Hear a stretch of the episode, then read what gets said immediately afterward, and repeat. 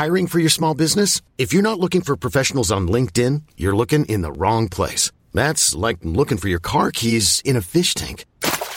LinkedIn helps you hire professionals you can't find anywhere else, even those who aren't actively searching for a new job but might be open to the perfect role. In a given month, over 70% of LinkedIn users don't even visit other leading job sites. So start looking in the right place. With LinkedIn, you can hire professionals like a professional. Post your free job on linkedin.com slash achieve today.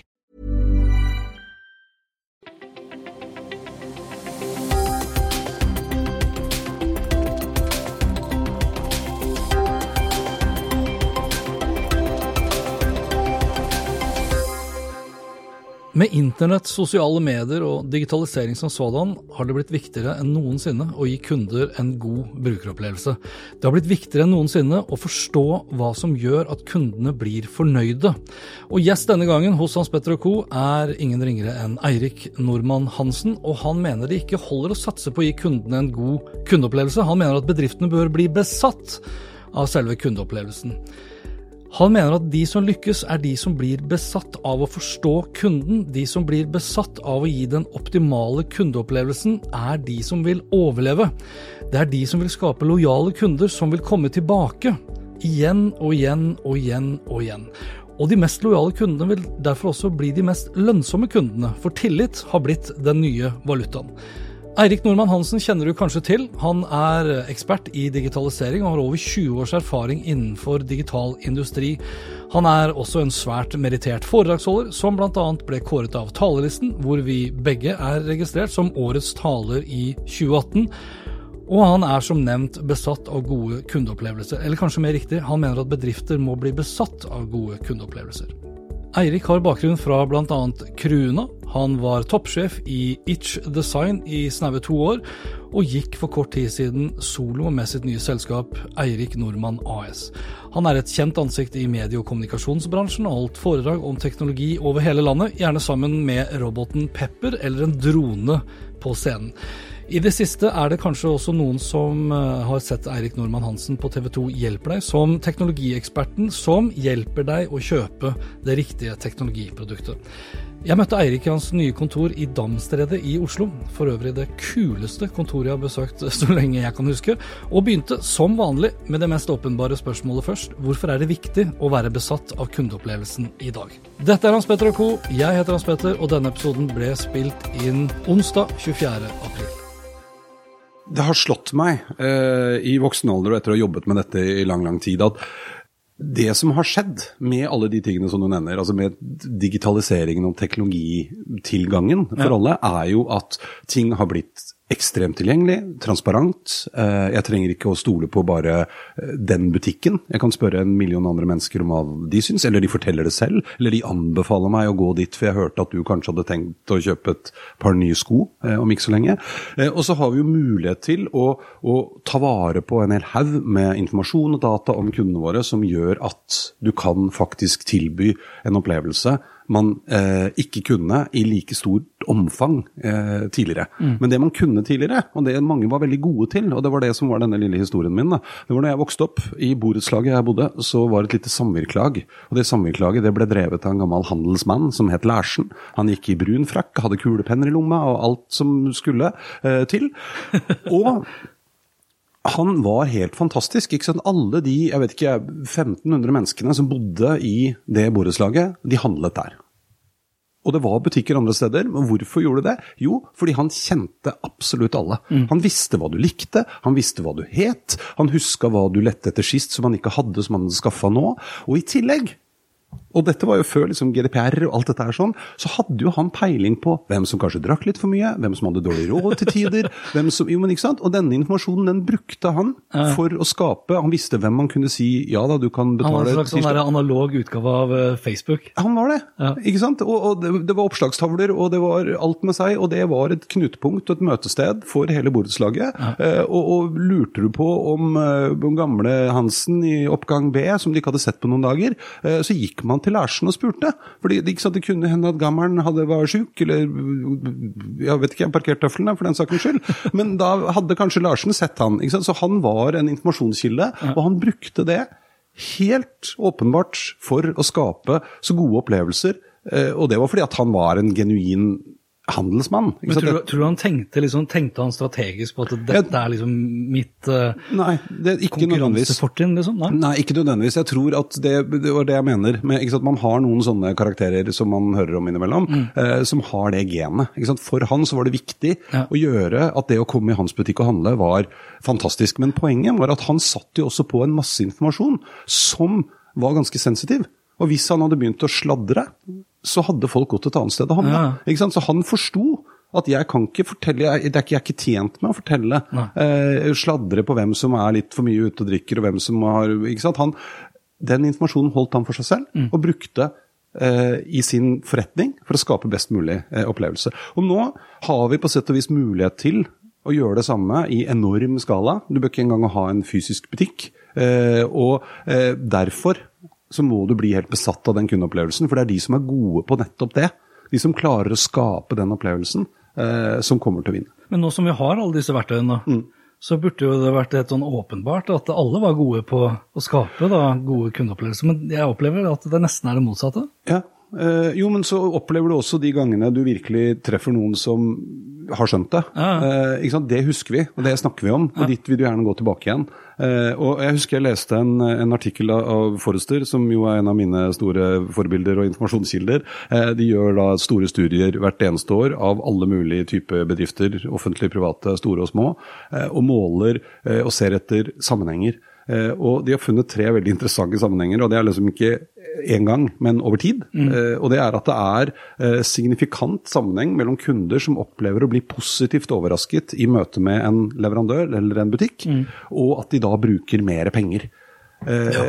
Som betyr at hvis jeg kommer inn og skal ha sko, du leverer sko, takk, kjøpte sko, ferdig. Mm. Hvis du leverer litt mer, og det kan man gjøre på hundrevis av måter. De, de har, det finnes de som har også, Og det kan være at Forrest har gjort det. Altså, man har gjort undersøkelser på det i eh, kalkulert faktor. Mm.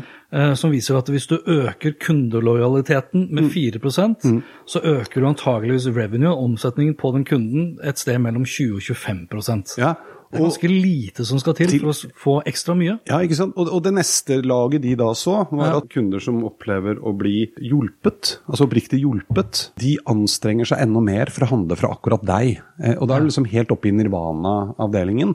Eh, og, og, da er du nesten på personnivå. ikke sant? Da har man masse dokumenterte. Og jeg kommer på at jeg har et sånt tilfelle jeg også, hvor eh, når junior vokste opp og, og spilte fotball, og føttene vokste i et rasende tempo, han måtte ha nye fotballstøvler tre ganger i uka, ikke så ofte kanskje, men i hvert fall ofte, eh, så havna vi på Torshov-sport, og på Torshov-sport så var det en fyr som jeg nå ikke husker navnet på, og han var jævlig god på å finne helt riktige støvler til føttene til Henrik. Det var ikke de dyreste, det var ikke de mest fancy, men det var de som var riktige. Mm. Eh, og det resulterte i at noen ganger når vi kom dit og han ikke var der, så spurte vi når han kom tilbake. Og så kom vi dit når han var der, for det var han vi ville handle med. Ikke sant? Og da brukte vi helt sikkert mer penger, og vi kjøpte mer greier, og vi ble sett og vi ble hørt. Ja, men det handler om tillit? Og, og det handler om tillit, og det er det som er poenget. Ikke sant? Fordi at det jeg tror veldig mange ikke er gode nok til, for det er det nok riktig som du sier at nå er jo alt dette tilgjengelig, så hvorfor bruker man det ikke? Jeg tror veldig mange ikke helt begriper hvor de skal begynne. Ja. De skjønner ikke, de er ikke der, de vet ikke, de gjør det ikke. De prøver så godt de kan å klamre seg til sin gamle måte å gjøre ting på,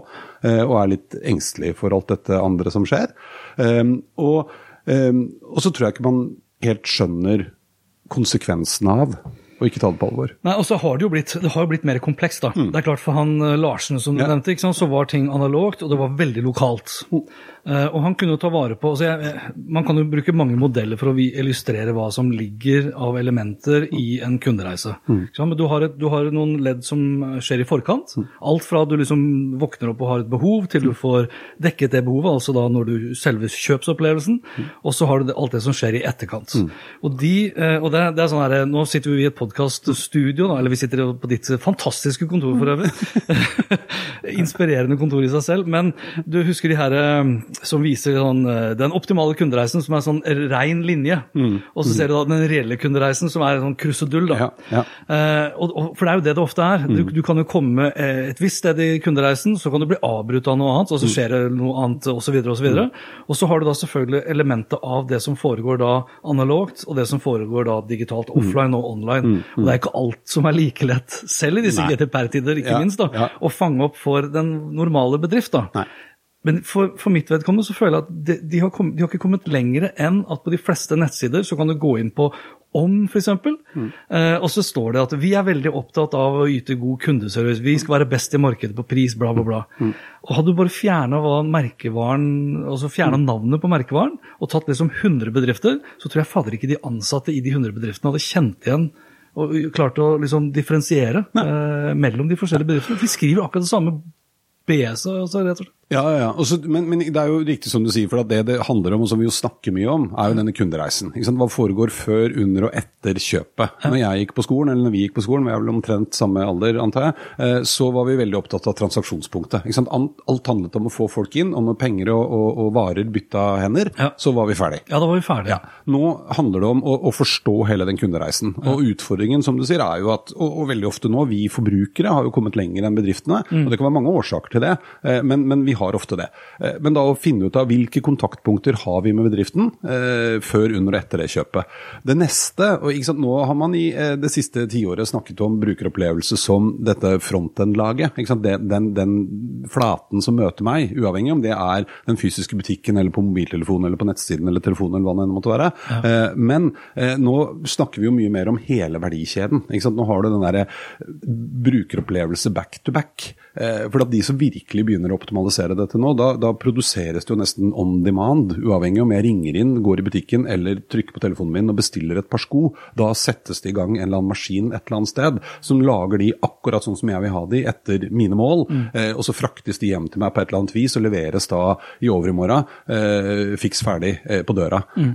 Og, og, og da begynner man jo også som butikk, når du skal ha lager og du skal ha transport og du skal levere. og, og jeg vet ikke, Kanskje vi i Norge er heldige fordi vi er så små ennå, så det kan på en måte være litt lettere for mange å, å komme til den nærmeste butikken. Men i, men i store Ja, I fysisk forstand, tenker du ja, på? Ja, ikke sant? for det blir jo alternativet ofte. da. Ja. Nå er du veldig avhengig av hva dette er for noe. Ja. Eh, men, men, jeg husker jeg snakket med en, en, Jeg var på en svær konferanse for et par år siden i en retail-konferanse i New York, og da snakket jeg med en retailer der som drev en butikk i New York. Og dette var det samme året som Amazon lanserte to timers eh, leveringstid i storbyene. Mm. Og han sa, sant, Problemet mitt da, hans var at det tok for gjennomsnitts-New Yorkeren lengre tid å gå ut av leiligheten sin, finne butikken hans, kjøpe det de skulle og gå hjem igjen, enn å gå inn på Amazon og bestille akkurat det samme og få det levert på døren. Sant? Det rakk de nesten å gjøre før de gikk på jobben. Ja. Eh, og, og da begynner det å bli tøft. Og da tror jeg at der må du finne ut av hvordan du skal kunne tilby dette ekstra, som gjør at jeg syns det er hyggelig å komme til deg allikevel. Ja. Eh, og det er en kjempeutfordring. Og jeg tror vi skiller på ikke sant? Før var veldig mye eh, handling, hvis vi liksom skal holde oss til konsumentverden, det, det, var litt sånn nødvendig onde. Jeg måtte gå ut i butikken, for det var ikke noe alternativ. Nå er det flere, flere og flere ting jeg slipper å gå ut og handle. Ikke sant, Alle de kjedelige tingene. Eh, jeg kan kjøpe matvarer og få det levert hjem, jeg kan kjøpe klær og få det levert hjem, jeg kan kjøpe alt og få det levert hjem. Og så kan jeg heller gå til slakteren den lokale, lille, søte slaktebutikken på Torshov og, og, være der og snakke med han og kjøpe den riktige biffen. Alt det andre har blitt levert hjem i kasse på døra mens jeg var der. Så jeg slipper å liksom Jeg kan gjøre de gøye tingene eh, sjøl, og så kan jeg overlate det andre til eh, noen andre. Vi har jo, eh, I mange år så har vi jo flere og flere av oss kjøpt oss mer fritid ved mm. bl.a. hushjelp. Mm.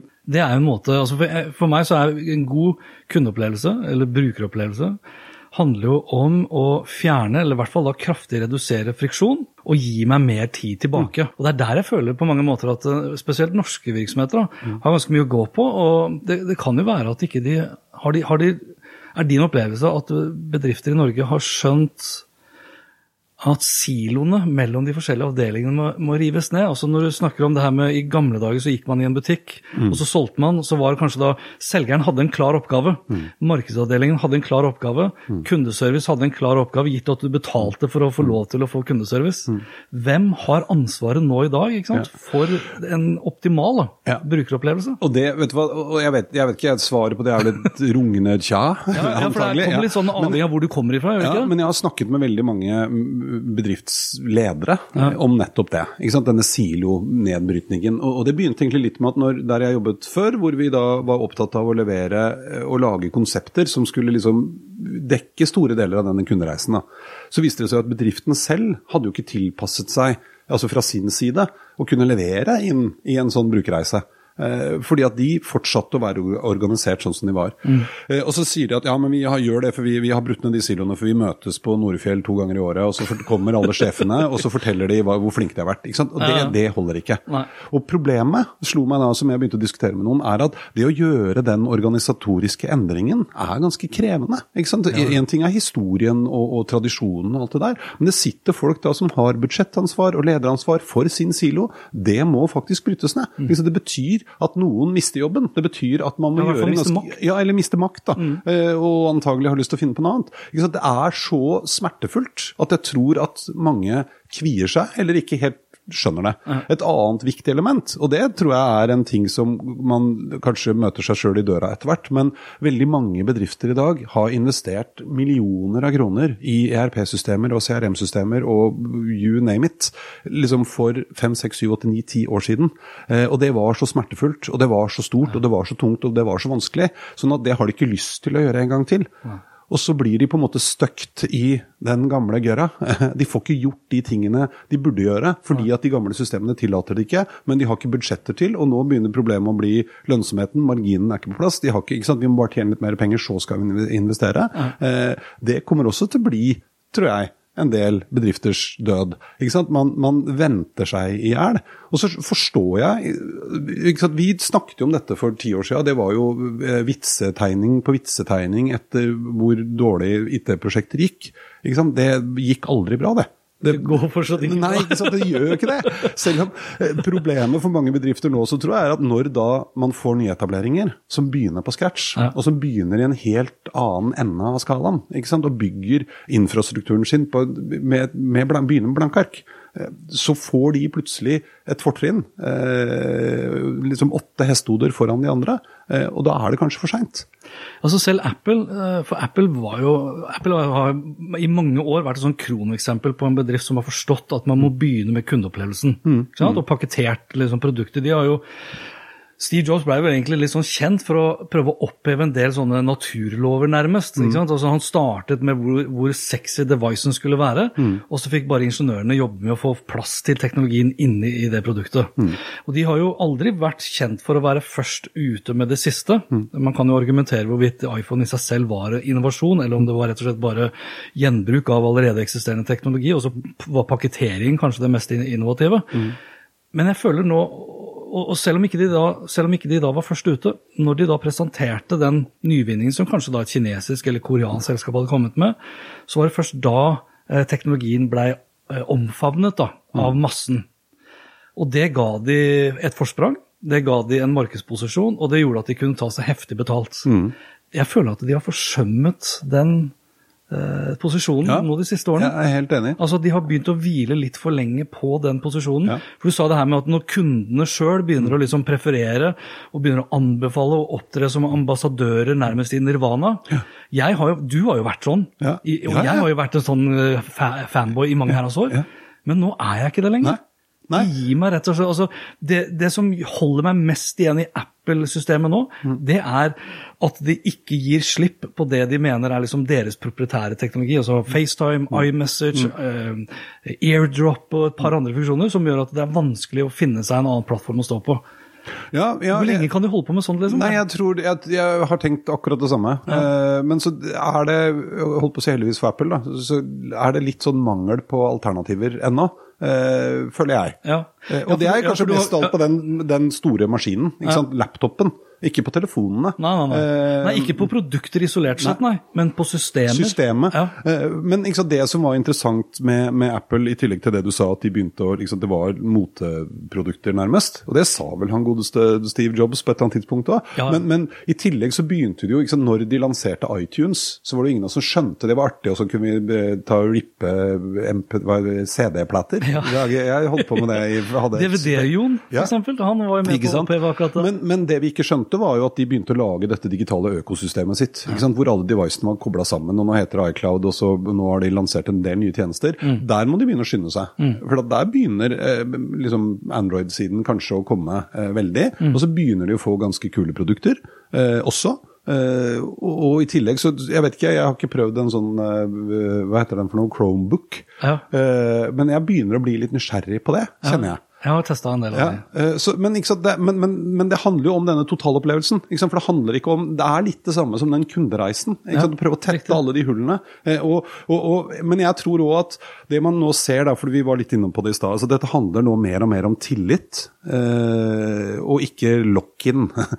Før så gjorde man en del ting for å låse Byttekostnaden ble så høy at jeg ble. Eh, nå De som lykkes med ting nå, det er de som liksom har snudd på det. Der hvor jeg, jeg snakket også eh, med en eh, James McQueevy i Forrester, som, som nå forsker da, på nettopp dette eh, emotions og, og trust-begrepet. Og Han fortalte at han hadde sett på um, han hadde fått tilgang til alle Amazon Prime, altså kundedatabasen, mm. og sett på hvor lenge folk var medlemmer. Og når man hadde vært medlem mer enn tre år, så for det første så var sannsynligheten veldig, er sannsynligheten veldig liten for at du slutter å være Prime-medlem. Og i tillegg så slutter de menneskene å oppføre seg sånn som vi gjør. Altså De driver ikke og sjekker og, og, og sjekker alternativer og priser og sånn. De har plutselig bare begynt å stole på, på Amazon. Fordi at de er en del av det nettverket. Eh, jeg bare spør den dingsen min, nå skal ikke jeg si navnet, for da starter den jo borti der. her. Eh, Men, eh, og ber om tjenester og produkter, og så fikser hun det for meg. Eh, og så stoler jeg på at det er til en decent pris, og det blir til en decent kvalitet, og den blir levert på døra mi. Så de er overlatt, de har full tillit. Men du må, samtidig som leverandør så må du fortsatt gjøre deg fortjent til at du skal ha den fulle tilliten. Ja, ja, ja. Og du, jeg tror du har sant, Du har ingenting å gå på. Du, du kan misbruke det én gang, Ja, ja. eh, så er du ute og sykler på en del områder. Og så hadde jeg en diskusjon her med, med noen andre for, for litt siden om liksom, eh, Facebook som gang på gang på gang på gang gjør blemmer, og så bryr jo ikke folk seg. Altså Vi hyler og skriker om de avisene Ja, det og var, sånn. det var egentlig det poenget jeg satt og venta på. For jeg tror den tilliten må handle om hvordan du rent personlig blir berørt. Ja, og så tror jeg at, og det som vi endte opp med å diskutere, da, for det man jo ser er at sant, det er jo bare sånne på vår alder som nå driver og poster ting på Facebook. Eh, Alle de yngre de bruker det for å kommunisere. Ja. Eh, og, og, eh, og jeg tror at for mine barn om Facebook har lekket ut noen kommentarer Jeg har jo ikke kommentert en puck de siste 20 ikke? De, fordi Det er ikke det de bruker det til. Så det, det angår, men de skjønner nok til at det, angår, som du sier, det angår ikke de. Så derfor så blåser de i det. Samtidig så skjønner de vel nok til at eh, Facebook også har innsett at de må satse mer på meldingstjenester og eh, økt eh, personvern, og derfor kommer liksom Definitivt. Ja, Der tror jeg de er helt kompromissløse. Kompromissløse, Ja. disse barna. Ikke sant? Hvis, hvis, det, hvis meldingene deres hadde begynt å lekke ut, hvis den lukka gruppa hadde ikke sant? Det er ikke bra. Nei, det tror jeg ikke. Men, men, men poenget her var og det er sånn, Jeg så min sønn, han er 17 og er helt sykt opptatt av fotball. Eh, og det han har gjort, for han har skjønt at det er noen sånne algoritmegreier som han kan påvirke. Og det er ingen får lov å tøyse med. Witness history at Roland Garros, where old rivalries meet new talent on the clay battleground. Tennis Channel Plus is your place to watch. Stream every court from your phone or smart TV live in HD. Experience three weeks of unparalleled access as the world's top players in tennis face off to see if the veterans maintain their dominance or if a fresh face rises to challenge them. Daily live coverage of the French Open begins Monday, May 20th. Stream it now with Tennis Channel Plus to be there when it happens. Here's a cool fact a crocodile can't stick out its tongue. Another cool fact you can get short term health insurance for a month or just under a year in some states. United Healthcare short term insurance plans are designed for people who are between jobs, coming off their parents' plan, or turning a side hustle into a full time gig. Underwritten by Golden Rule Insurance Company, they offer flexible, budget friendly coverage with access to a nationwide network of doctors and hospitals. Get more cool facts about United Healthcare short term plans at uh1.com. feeden hans, for at han har laget den sånn at den bare, det er den optimale fotballsnyhetsfeeden. Så han, han vet akkurat hva han skal like og hva han skal gjøre for at den skal bli sånn Ja, på Facebook. på Facebook. Og det er det han bruker den til. Ja. Han har aldri, Jeg tror ikke han har lagt ut noe, altså sikkert en gang for fem år siden, men ikke sant, det skjer ikke. Eh, fordi at det er det han bruker den til. Og da er det ikke noe viktig for han om det har sluppet løs noe, at han liker Liverpool, liksom. Det, alle veit det. Det er ikke noe problem. Det, alle skal vite det. Men, men, ja, men i det øyeblikk, som sagt, hvis det, hvis det kundeforholdet blir misbrukt Ja, men det er det det, er det, det går på. Og så tror jeg også at sant, det, det denne andre undersøkelsen i stad også viste, var at pris f.eks., og det gjelder innenfor alle kategorier, eh, uavhengig om det er B2B eller B2C eller reise eller dagligvarer eller hva nå enn, altså det, det kriteriet har flytta seg ganske langt ned på lista over ting vi ser på. Eh, og det er jo antagelig fordi at nå er prisen mer eller mindre den samme. Ja, for den er jo transparent. Ja, for du kan ikke ljuge på det lenger. Nei, ikke for mye. Du Nei. kan ikke ljuge på det, og du kan heller ikke differensiere deg for mye. Nei. Så fremst ikke du da gir noe helt insane på toppen, da, Ja. som ingen andre kan tilby. Nei. Men, men til og med det har jo begynt å bli eh, Ja, det må jo være helt insane da, hvis du skal ta betalt for et tillegg. Fordi, jo, men ikke sant, det, det, og, og, og jeg tror at jeg var holdt foredrag for Coop Extra her om dagen. Det var ganske morsomt. Ikke sant? Dagligvare, kjempeutsatt. De gjør det jo ganske bra. Men han som er administrerende der, altså han er bare opptatt av hjertet. Han har skjønt altså Nesten litt sånn predikantvekkelsesmøte predikant-vekkelsesmøte å være på når han sto foran da 800 av sine butikksjefer og snakket om hvordan de skulle vinne folks hjerter. Liksom fordi at alt det andre er hygienefaktorer. Vi har, det skal være matvarer, og de skal være på dato, og vi skal ha eh, det riktige utvalget og alt det der. Det er given. Men hva tror du er viktigst, da? Hvis jeg er inne på dagligvarebransjen, Ja. hva er viktigst tror du egentlig der? Jeg tror at uh... Er det, det, er det pris? Ja, det er det nok. Er det? Ja, det tror jeg. Altså, vi er i hvert fall veldig bevisst på det. Nå er vi ganske stor familie, da, så det har Ja. litt å si. Vi er fem stykker, og de begynner å bli svære alle sammen. Så, så sant, matbudsjettet blir ganske heftig. Eh, og, og da er forskjellen fra Jacobs på, til eh, Jo, jo, Kiwi nå- ja, jo, jo, men stor. Ja, ja, men ta ytterpunktene, da. Men jeg ser at vi har liksom vent oss til og så tror jeg det er convenience, selvfølgelig. Ikke sant? Jeg hadde jo ikke reist til Drammen for å uh, handle billig. Eh, Men, eh, men vi har funnet den butikken i nærheten som er den rimeligste av de vi har, og så handler vi alt der. For meg, den nærmeste butikken hos meg, den har da de dårligste parkeringsmulighetene. Mm. Eh, Den har, det er vel den skitneste butikken, jeg skal Mm. ikke liksom nevne navn her. De har dårligst vareutvalg. Mm. Og eh, de har også da de tregeste kassakøene. Altså de Mm. har ingen muligheter for, eksempel, for å skanne og, og betale selv, f.eks. Mm.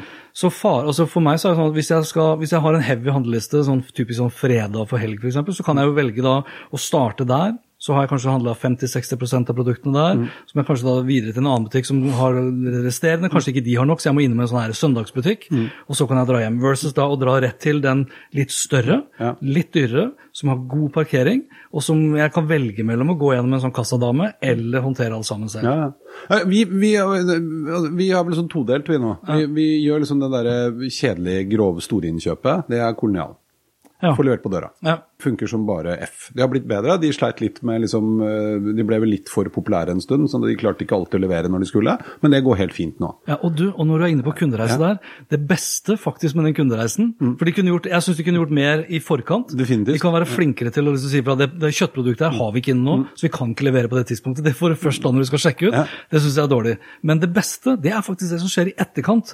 At du hele tiden får SMS-er som oppdaterer deg på når de er i ferd med å komme. Ja, ja. Og en beklagelse at nei, vi holdt ikke, så vi kommer først om 20 minutter. Den er, for det er en sånn beroligelse Ja, ja. Heter det? Beroligelse? De, beroligende. Bero, Ja. ja. Men, men helt enig. Sånn det, det vi, og der tror jeg nok at uh, noen i familien Jeg er ikke så flink til sånn pristing. Nei, ikke jeg heller. Eh, men har funnet ut av og, og da betaler man litt, for det er litt dyrere, Jo, åpenbart. Men man betaler for å slippe å drasse på 128 poser, ikke sant. Uh, men Og det skulle jo bare mangle, da. Ja, ja. De kommer jo hjem til deg, de har plukka varene Ja, for deg, de kommer hjem til deg, alt er ferdig. Og der, jeg har jo til og med, altså I og med at jeg har jo sånn eh, Kan åpne døra og eh, ring doorman, og vi er Ja, ja. ganske likt satt opp der. sånn? Jeg har også opplevd at de da kommer, og så er vi ikke hjemme. Og så har jeg faktisk bare låst opp døren, for jeg ser hvem det er, og så setter han varene rett innafor døra, og så takk for nå. Og Det var egentlig ikke så mye for at jeg var redd for at det skulle bli stjålet, men sola står rett på Men han turte å faktisk gjøre det. eller? Ja, ja, så han gjorde det. Uh, og det har ikke skjedd mange ganger, men, men det funker. Men, men så, så, så jeg tror du har litt sånn eh, convenience, eller eh, jeg er så prøver alltid å bruke norske ord. Tilgjengelig, tilgjengelighet. Bekvemmelighet heter det Ja, vel faktisk. bekvemmelighet, ja. Bekvemmelighet, ja. Eh, eh, er viktig. Ja. Eh, Og det gjør også at altså, man sikkert kjøper seg litt både fri og, og bort fra kjedelige ting. Jeg tror be bekvemmelighet og det å få, få seg mer tid, det er som jeg sier, det her med eh, fjerne friksjon Mm. og eh, gi meg mer tid tilbake. Det er jo det samme prinsippet som på mange måter egentlig har vært teknologiens forse inn i bedriftsmarkedet. Økt produktivitet, økt effektivitet. Mm, Ja, og så ja. har vi egentlig ikke fått så forbanna mye økt produktivitet og økt effektivitet. Vi har bare fått mer rapportering. Ja. For det har åpnet opp for nye muligheter til å liksom lese disse dataene, Mm. som jeg føler da blir brukt i beste henseende til piecharts og kurver, Mm. som du var inne på i stad, som man tar med seg på Høyfjellshotellet to ganger i året for å vise status eh, på de forskjellige avdelingene. Men det blir ikke brukt Nei. til å gi denne sinnssyke kundeopplevelsen. Nei. Og den kundeopplevelsen mener jeg, for gang på gang, når jeg også holder foredrag og er ute og snakker med bedrifter, så er jeg sånn Jo, men det, det du snakker om her nå, det gjelder veldig mye for B2C og ikke B2B. Så sier jeg det er tull. Mm. Ja. Det er tull og tøys. Fordi det handler til syvende og sist om hvordan jeg som en person opplever det kundeforholdet. Mm. Om det så er at jeg er en del av en større prosjektgruppe i en stor bedrift, eller om det er meg som enkeltindivid som må vente to uker på å få en vare levert fra en nettbutikk i Norge, Mm. eller da 48 timer fra en nettbutikk i Asia eller Amerika. Og hvordan jeg blir fulgt opp i forkant og etterkant. Ja, ja. Og, det, og det triste syns jeg er at jeg tror mange som vi var litt innom på i stad, de blir litt skremt og de vet ikke helt hvilken ende de skal begynne i. Og så gjør man Man har liksom en eller annen idé om at hvis vi skal fikse på noe, så skal vi fikse på alt med en gang. Ikke? Og, og så unngår man å gjøre de superenkle grepene. Bare sånn som det du sa i stad, at, at du får tekstmelding om at 'beklager, vi er litt sent ute'. Eh, ikke sant? Som oppleves som en positiv ting, istedenfor at jeg blir sur for at du ikke kom. Ja. Eh, ikke Sånn som flyselskaper gjør, de informerer aldri om hvorfor det er Nei, nei, nei. forsinkelse. nei, nei, nei. Eh, og, og, eh, nei, og det slo meg òg at eh, eh, den samme som du sa, altså det er ikke noe forskjell lenger mellom B2B og B2C, eh, sier jeg også. Jeg mener at det er dødt. Ja. Og så er det jo selvfølgelig forskjell på hvordan avtaler inngås, og hvordan Ja, ja. selve handelen, alt det der. Prosessen er Ja. lengre og mer kompleks og involverer mer mennesker men vi mennesker vi har nå blitt så vant til teknologi. Vi har det tilgjengelig hver eneste dag, og det legger føringer for hvilke forventninger vi har. Mm. Eh, og igjen da en stor undersøkelse som ble gjort for et par år siden, hvor det viste seg at 43% og det var da typiske B2B-aktører, og da 43% av de de spurte, sa at de foretrekker å ikke snakke med en salgsrepresentant. Sant? De vil helst finne ut av det selv. For hvorfor skal jeg ringe deg for å si at nå må jeg ha mer kopipapir? Sant? Vi har jo en avtale, pris, alt er, dere kan alt. Kan ikke jeg bare trykke på en knapp, kan ikke jeg bare sende en melding? Kan ikke jeg bare gjøre et eller annet? Kan ikke dere ha en eller annen sensor som viser at nå er det tomt, så jeg trenger mer? Ja. Eh? Og, og, og jeg husker ikke akkurat tallet, men det var over 90% som sa at når de først har funnet ut av hva de skal ha, fortsatt da B2B-markedet, så ville de helst bestille det selv online. Og, og sant, Det er også litt det der bekvemmelighetsgreia, for da, da slipper jeg å sette av tid til det. Da kan jeg gjøre det når det passer seg. Ja, ja, Eh, altså Det handler jo om på mine premisser. ja, det er bare det det gjør. Og vi har blitt vent, vi har vent oss til det, fordi at det, det er sånn vi gjør det hjemme. Og Jeg snakket også med en, en kar en gang, det var veldig morsomt, som jobbet i et svært prosjekt, uh, i, altså de, sånn type offshore-prosjekt. Uh, og Han fortalte det at han hadde fått i oppdrag å finne mulige underleverandører, som de da skulle sende ut, altså invitere til en sånn anbudskonkurranse. Uh, og det sa han at det gjorde jeg jo på iPaden på sofaen hjemme. Eh, Da lå jeg der og surfa litt og fant ut hvem som og Da snakker vi om potensielle leveranser på liksom millioner av kroner. Eh, Og det var sånn, nei, Først bestilte jeg sydentur til familien, og så sjekka jeg ut hvem som kunne være med å bygge oljeplattform. Ja? Og da er det litt med at hvis du da lever i den bransjen og tenker at nei, vet du hva, vi ringer rundt, vi. Ja. Mange av de har faktisk ikke, og det kan vi le litt av, men mange av de er nesten ikke på internett engang. ikke sant? De, ikke, de er ikke der. Og, og da blir du ikke funnet, og da blir du ikke spurt, og da får du ikke være med. Og, og, og igjen da, når, når vi har vent oss til Nå bestille taxi, trykk på en knapp på telefonen din, så kommer det en bil på magisk vis og henter deg der du er. Eh, og i tillegg så leverer den deg dit du skal. Eh, ikke sant? Og det er ganske sånn banal ting, egentlig. Kolonialt, som jeg har snakket om, de begynner å bli smartere og smartere, vet hva du pleier å kjøpe. De lavfrekvensvarer begynner de nå å huske. ikke sant? Du kjøper dopapir hver åttende gang, for det glemmer man alltid å kjøpe. Du sjekker melk og brød, men glemmer de tinga som blir tomt bare en gang imellom. Det begynner de, og kan de helt sikkert vite nå. Og det, ja, og det ja. håper jeg de kommer med. Ja, altså. det skal de komme med. Og da vil jeg bare ha en sånn, her, jeg vil bare ha en sånn melding, klikk her for å liksom akseptere. Ja, ja. For nå har, du brukt, nå har det gått for 14 år siden toalettpapir, Ja. eller vaskepulver, eller alle sånne småting. Sånne re repeterende kjøp. Og, som, og de har frekvensen på. Og? Jeg vet fra vi jobbet med, med, med en av de store dagligvarekonsernene for mange år siden, eh, og da satt jo faktisk manuelt og sjekket dette. Men ikke sant? de har full kontroll på det. Ja. Og det er jo igjen informasjon som hvis du? Og det er også morsomt, da, for hvis du spør folk på gata om de syns det er ok å bli overvåket og all denne dataen som blir tatt vare på, så er jo alt nei, nei, vil ikke bli overvåket og vil ikke, vil ikke, vil ikke. Og så blir de eitrende forbanna når de kommer tilbake inn på en nettbutikk hvor de har vært før, og så må de nok en gang legge inn betalingsinformasjonen sin og adressen sin, og dette burde dere visst. Mm. Da vil jeg helst at du skal huske hvem jeg er og hva jeg har kjøpt. Jeg tror Deloitte sin medie, medievaneundersøkelse for 2018 sa vel at uh, så lenge de før, altså, uh, Det var en oppgang mm. fra 2017 til 2018, til tross for alle de Facebook-skandalene og personvern og GDPR, ja. Så var det en oppgang fra 70 til 79% av nordmenn som sa de er villige til å gi fra seg mer informasjon hvis de får, føler at de får noe igjen for det. Men, så folk vil jo faktisk Og da er man på den. Ja, og jeg hadde jo, Hvis, hvis Kolonial da, som et eksempel hadde kommet opp med Fordi det er GDPR, da, så mm. du må gi samtykke. Men hvis jeg har sagt ok, eh, la, legge inn de varene som vi kan levere til deg innenfor den frekvensen vi antar at det måtte ha. Jeg hadde jo samtykket med en gang! Med en gang. Ja, ja, med en gang. ja. Jo, men, det, men, det, er jo det de mener da, når de sier at, at tillit har blitt den nye valutaen. For det handler om Det har blitt en trade, det også. Og i det øyeblikket du ikke har tatt vare på den dataen på en riktig måte, eller det viser seg at du misbruker den, eller ja. du selger den til noen, da gidder jeg ikke å handle hos deg mer. Nei. Og det òg er jo utfordringen for bedrifter i denne veldig åpne og transparente verden vi lever i. At sant, store, etablerte bedrifter de kan dø over natta hvis ikke de oppfyller de kravene eller leverer på de forventningene. Eller, mm. ja. eh, men, men, jeg husker også jeg så han godeste Jack Ma eh, holdt et innlegg nå i, i, i, Davos under er det World Economic Forum ja. det heter. Ja. Eh, og da spurte han salen hva er det mest irriterende med å handle? Eh, og, og svaret var da å betale. Ja. Og, og, faktum er at i, i, husker jeg ikke prosenten her heller, men i langt på vei de aller aller fleste tilfellene når du kjøper noe på nettet, så hadde du egentlig ikke behøvd å skrive inn hvem du er, hvor du bor, og, og betalingsinformasjonen sin, din og sånn. For det kunne vært, eller er allerede lagret, sånn at de kunne bare sett at OK, det er deg. Ja. Varene kommer i overmorgen. Ja. Eh, men så er det jo litt sånn der forbrukertrender, og folk blir litt bevisst på det. Og, og, da var det en annen undersøkelse som viste at i USA at eh, åtte av ti innrømmet å ha impulskjøpt noe de ikke egentlig trengte. Eh, ikke sant? Og mange av oss har opplevd det. Jeg fikk jo, når du kom i stad, så hadde jeg fått en pakke jeg ikke huska helt at jeg hadde bestilt engang. um, og, og det, det, er fordi det er lang leveringstid. det var lang leveringstid, ja sant. Men, men, eh, og så kom jeg på det. Det var ja, fantastisk. Ja, for det, det, kjøpet der med personaliserte sokker, sokker ja. var alt annet enn impulskjøp. Ja. for der, Nei, det var der du lastet opp et bilde og alt mulig. Men jeg, jeg, så, det var faktisk en god gammeldags annonse hvor jeg tenkte at jøss, det var artig. Så jeg har kjøpt mye. Dette blir jo ikke gitt ut før eh, barna mine har fått presangene sine, Nei. men de får nå sokker med bilde av far på. Det tror jeg blir veldig, Hva sto det? Superdaddy? Superdaddy.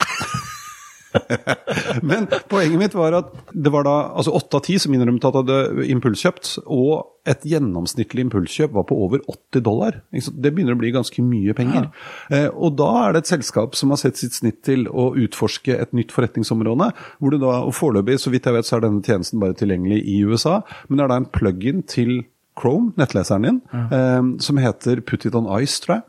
Oh, ja. Som gjør da at de 20 største netthandelsstedene i USA, så er kjøpsknappen bytta ut med, for der er, har du prime-konto hos Amazon og du har aktivert one click shopping, så kan du bare ja. trykke én gang, Riktig. så kommer det på døra etterpå. Ja. Da blir den byttet ut automatisk med en blå knapp hvor det står 'put it on ice'. Sånn at når du ligger på sofaen på fredagskveld, tatt en pils og kjøper sokker med bilde av deg selv på, og trykker på knappen, så skjer det ingenting. Det blir lagt på en liste. Og så venter det da en uke, så får du varsel om at forrige fredag så så du på de her. Skal du ha dem, eller skal du ikke ha dem? Så de skaper rett og slett friksjon for å prøve å liksom hjelpe deg som forbruker til å roe ned litt. Grann, uh, og det er jo også interessant. ikke sant? For at vi også det har et slags bærekraftperspektiv? Ja, også. definitivt. Også, og jeg merker det jo selv òg, at når ting blir så enkelt at du nesten Altså du gjør ting uten å tenke. Ja. Uh, og noen ganger så var det kanskje lurt å tenke seg om. Mm. Uh, ikke fordi man ikke har råd, eller, men, men, det er ikke sant, det var ikke riktig, det var ikke nødvendig, den var dårlig altså, Og så er det antakeligvis et økonomisk perspektiv for nettbutikken òg. Ja. For hvis du har impulskjøpt, og når det blir levert, og du ja. syns det her var crap, mm. så har du jo fri retur. Ja. Ja, ja. Så du kan jo spare en del penger på det. Masse, ikke sant. De, ja, det er klart det, og det, det blir jo deres uh, store utfordring. Da. Hvor nå uh, same day delivery er liksom the big thing, nummer én kriteriet nesten, mm. uh, for en del, i hvert fall retailere, i store byer. Og, og, i Norge kan bestille fra kommer jeg ikke på, altså Amazon får du jo i løpet av, hvis du vil, et par dager.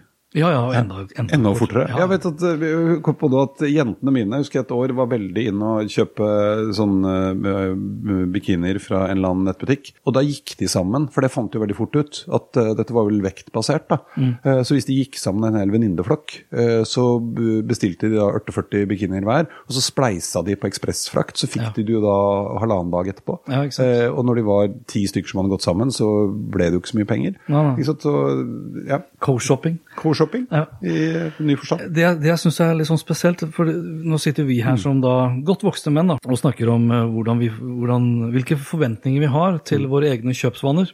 Og det er ofte det jeg også møter når jeg snakker med bedriftsledere. At de, de er veldig kravstore når det kommer til hvordan, dere, altså hvordan de setter premisser for deres interaksjon med bedrifter. Men når helgen er over, så drar de tilbake igjen og så har de salgsmøter eh, hvor de da skal drive med cold calling osv. Ja. Altså, bedrifter er for dårlige til å sette seg i kundens ståsted. ja, ja. Det er jo der de må begynne hvis du er skal lage begynne, de her beste det- kundeopplevelsene. Ja, og det, det som jo òg viser seg, da, er jo at sant, vi har jo blitt lært opp til at alt skal være liksom statistisk eh, signifikant, og du må ha stor nok utvalg, og vi har brukt utrolig mye tid på å lage eh, eh, personas som i beste fall blir et slags kompromiss av en eller annen mennesketype som ikke fins. Ja. Eh, det som jo nå viser seg, er at hvis du snakker med fem kunder i måneden, om hvordan de har opplevd å være kunde hos deg. Så, så de er ikke noe representativt utvalg, men de er det allikevel. Verdien av å faktisk snakke med ordentlige kunder, Ja. ta med de inn i alle disse, altså alt fra fasilitere design sprints, hvor du har med kunder inn i eh, oppgaven med å, å, å løse eh, bedre leveranse eller bedre produkter, eller hva nå enn det måtte være, er så enormt stor. Eh, og det er jo nettopp fordi at når vi kommer på jobben og treffer oss andre og later som om vi skal leke kunder, så klarer du ikke det. Du er ikke i nærheten. Men, men du trenger ikke 100 av dem. Det holder med tre. Eh, Verdien av det er enorm. Så det er der kanskje mange bedrifter bør starte. Da. Jeg tror det. Og, og jeg pleier å tegne opp det der liggende åttetallet, Ja, uendelighetssløyfa. ikke sant? Det er en veldig forenkla representasjon av en, noe som kan være en kundereise. Og Det handler om hva som skjer før, under og etter, og så er det liksom krysset der hvor handelen eller transaksjonen skjer. Og Hvis du henger opp en hånd på veggen og begynner med bare sant, de forskjellige avdelingene som du var inne på i stad, hvis du begynner med det, og se på hvordan, hva, hva hører dere på support fra kundene? Hvilke kontakt har dere, hva er det som skjer der? Eh, Dere som driver med salg eller pre-sales eh, og hele sløyfa. Og så tar du med et par kunder eh, som har vært igjennom hele ikke sant? Så har de et helt annet perspektiv på det. Og de gule lappene, jeg tror at 3M kommer til å leve en stund til, for vi trenger de gule lappene for å forstå sammenhengen. Og veldig ofte så viser det seg jo også at å jobbe med sånne kundereiser handler like mye om å bevisst, være bevisst på hvordan ting foregår, og hjelpe hele bedriften din til å forstå hva som foregår for, under og etter. Eh, Det er ikke sikkert du får liksom, lager en ny tjeneste ut av det, men bare det at folk begynner å skjønne at det jeg holder på med her ute før folk kommer inn i butikken, det har noe å si for de som står inne i butikken og tar imot folk. Eh, Og hvis det viser seg at åtte av ti ganger så må de korrigere de når de kommer inn fordi at de har sagt noe feil, kanskje vi kan rette på det, da. Ikke? Trenger ikke å kjøpe nytt ERP-system for det. Eh, Så, så det er veldig mye på det planet der også man kan gjøre. Og så når du da begynner å få satt alt det andre i system, og bruke det bevisst, som du sa i stad med kolonial. Hvis jeg går inn og har lyst til å kjøpe biff, og de veit at den eh, kan vi ikke levere til deg nå, så kan de si fra det da, ikke etterpå, når jeg er ferdig med å fylle opp handlekurven. Eh, Så har man kommet et stykke på vei.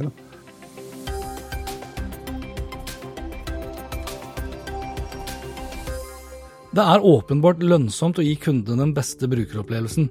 Det er ikke noe rocket science eh, i så måte, men hvorfor er det da så få som virkelig gjør det? Forstår f.eks. For ikke bedriften sitt eget beste? Er det for vanskelig, er det for komplisert, eller er det for dyrt? Eller er det alle tre? Har norske bedrifter i dag råd derimot til å ikke være besatt av den gode og den beste kundeopplevelsen. Bedrifter i dag vil vi påstå må være ekstremt gode i alle kontaktpunkter kunden har med deg, før, underveis og etter at kjøpet har blitt gjennomført. Organisasjonssiloene må brytes ned. I det minste må man optimalisere siloene for at alle avdelinger som har en eller annen kontakt eller et eller annet ansvar for kunder, og også da potensielle kunder, i en eller annen forstand, kan samarbeide optimalt for å gi den best mulige brukeropplevelsen. Og det gjelder uavhengig om det er snakk om B2B eller B2C bedrifter, produkter, varer og tjenester. For vi mennesker vi liker jo best av alt å handle med andre mennesker. Vi handler faktisk når alt kommer til alt med andre mennesker. Og det gjør vi selv om kjøpsprosessen er lengre, involverer flere og er mer komplekse når det kommer til B2B-bedrifter. Så stalltipset begynn med brukeropplevelsen, begynn med kunden. Kunden er ikke slutten på kundereisen, det er starten. Gi kundene minimalt med grunn eller grunnlag for å ikke handle av deg, og påse at du tar vare på kundene også etter at de har handlet, slik at de kommer tilbake igjen og igjen og igjen og igjen. Det er mest lønnsomt. Og det var det for denne gang. Liker du det du hørte og vil forsikre deg om at du får med deg de neste episodene, da kan du bl.a. abonnere på Hans Petter Co. på Apple Podcaster. Ellers er podkasten selvfølgelig tilgjengelig på Spotify, Google Podcast, Overcast, Acast og TuneIn Radio, for å nevne noen. Inntil neste gang, vær nysgjerrig, for det er den beste og kanskje den eneste riktige måten å møte vår digitale fremtid på.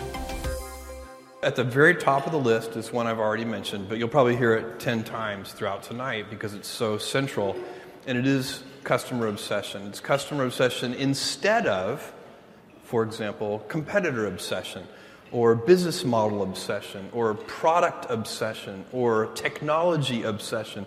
There are many ways to center a business.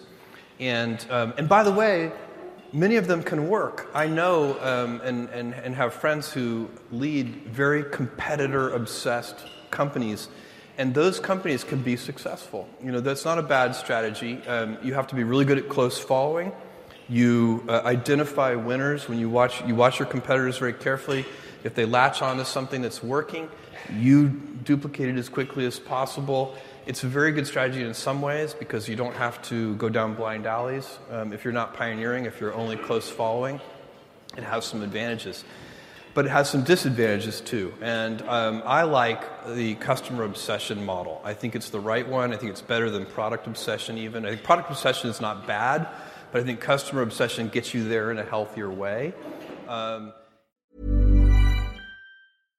My business used to be weighed down by the complexities of in person payments. Then, Tap to Pay on iPhone and Stripe came along and changed everything. With Tap to Pay on iPhone and Stripe, I streamlined my payment process effortlessly. Now I can accept in person, contactless payments right from my iPhone. No extra hardware required. What's truly remarkable is how I can cater to all of my customers' payment preferences. Whether they're using cards, Apple Pay, or other digital wallets, Tap to Pay on iPhone and Stripe ensure a smooth checkout experience every time. And it's not just me. Stripe helps businesses of all sizes, from local markets to global retailers, scale quickly and stay agile. To learn how Tap to Pay on iPhone and Stripe can help grow your revenue and reach, visit stripe.com slash tap iPhone. Why don't more infant formula companies use organic, grass fed whole milk instead of skim? Why don't more infant formula companies use the latest breast milk science? Why don't more infant formula companies run their own clinical trials? Why don't more infant formula companies use more of the proteins found in breast milk? Why don't more infant formula companies have their own factories instead of outsourcing their manufacturing? We wondered the same thing. So we made ByHeart, a better formula for formula. Learn more at byheart.com.